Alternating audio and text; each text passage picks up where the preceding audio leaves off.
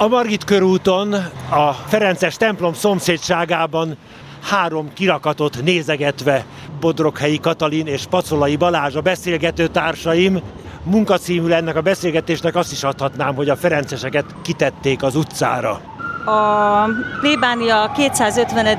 jubileumi évfordulójára készült egy kiállítás a folyosón, amit a helyi polgármester Őrsi Gergely látott. Annyira tetszett neki a kiállítás, hogy kérdezte, hogy nem lehetne kitenni ide az utcára, a kirakatba, hogy kvázi ezeket a csúnya elhagyatott kirakatokat egy kicsit felvirágoztassák, illetve, hogy a Margit negyed koncepcióba ez jól illene, szeretnék ezt revitalizálni, és ez része lehetne. Ez, amit itt láthatunk, ez egy második nekifutásra megvalósult eredmény. Az első próbálta a folyosón lévő történelmi vonulatot követni, tehát hogy a ferencesek Buda visszafoglalása óta jelen vannak Budán, és ezt a jelenlétet akartuk megjeleníteni. Nagyon szép lett az is, de valami plusz hiányzott belőle, és akkor a Pacolai Balázs hathatós nógatására született meg tulajdonképpen az a motto, hogy jelenlét, együttlét, öröklét. Balázshoz fordulnék, aki a világi rendnek oszlopos tagja, és kirakatrendező végzettsége is van.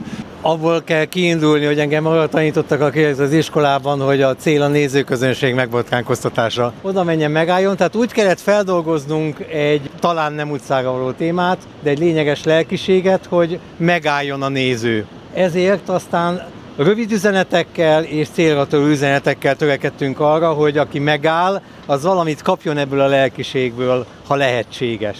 Most ugye ebben a kiakadt dologban két innováció történt. Az egyik innováció az az, amit most ünnepelni fogunk az Eukarisztus kongresszuson, hogy az Úr Jézus a kenyér szín alatt itt maradt köztünk, és az én hitem szerint ő jelen van. És a másik innováció, hogy szerették volna az önkormányzat, hogyha az üres kirakatba beteszünk, vagy betesznek valami kultúrát, vagy történelmet, és ez a két innováció találkozott ebben a kirakatban. Megmutatjuk a lelkiséget, megmutatjuk az idős testvéreknek a hagyatékát, amiből élhetünk, és megmutatjuk a Ferences rend jelenlétét, ahogy a szolgálatukban az Úr Jézust átnyújtják nekünk. Az első vitrin Szent Ferenc, illetve a Ferences rend szellemisége, és a második, ez az öröklét. Testvérekről szól, akik már hazaköltöztek az Úristenhez, de minden testvérnek van egy személyes hagyatéka, amiből mi tovább tudjuk életen, élni a saját életünket, hogyha figyelünk erre a hagyatéka és beépítjük az életünkbe. Négy Ferences köszön ránk, Kristen Rafael, Somogyvári Béla Hetény, Borbély Akilles és Kamarás Mihály. Vannak élő tanúk, akik emlékezhetnek rájuk. És négy olyan személyiség, akik méltón képviselték a Szent Ferencnek a rendjét. Kedvencem a Híles testvér, aki látszólag egy teljesen jelentéktelen munkával élte le itt az életét, több mint 60 évet élt ebben a rendházban, de mégis már meglehetkorú férfiak is mindig őt emlegetik, hogy mennyire szépen és ügyesen kezelte a minisztránsokat, hogy milyen alázattal szolgálta az atyák életét a sekrestjében.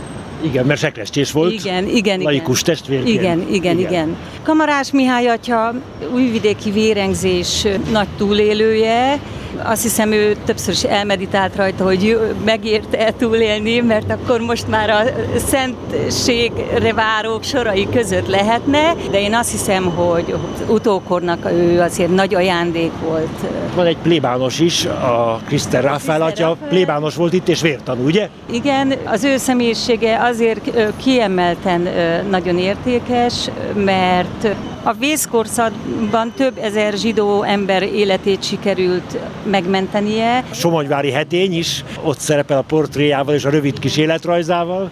Somogyvári hetény számomra azért kitüntetett, Ferences, mert a halálak körüli bizonytalanság miatt ö, nem szerepelhet a szentek sorai között, miközben a, a még élő tanúk szerint egy csodálatos személyiség volt. Hát fiatalokkal foglalkozott, akiknek átadta a lelkiséget, és felajánlotta nekik a harmadrendi életutat. Igen, és ez az 50-es években halatlan nem tetszést váltott ki, és 61-ben a harmadrendiséget tiltott szervezkedésnek titulálták, ezért hetényatyát elkezdték vegzálni.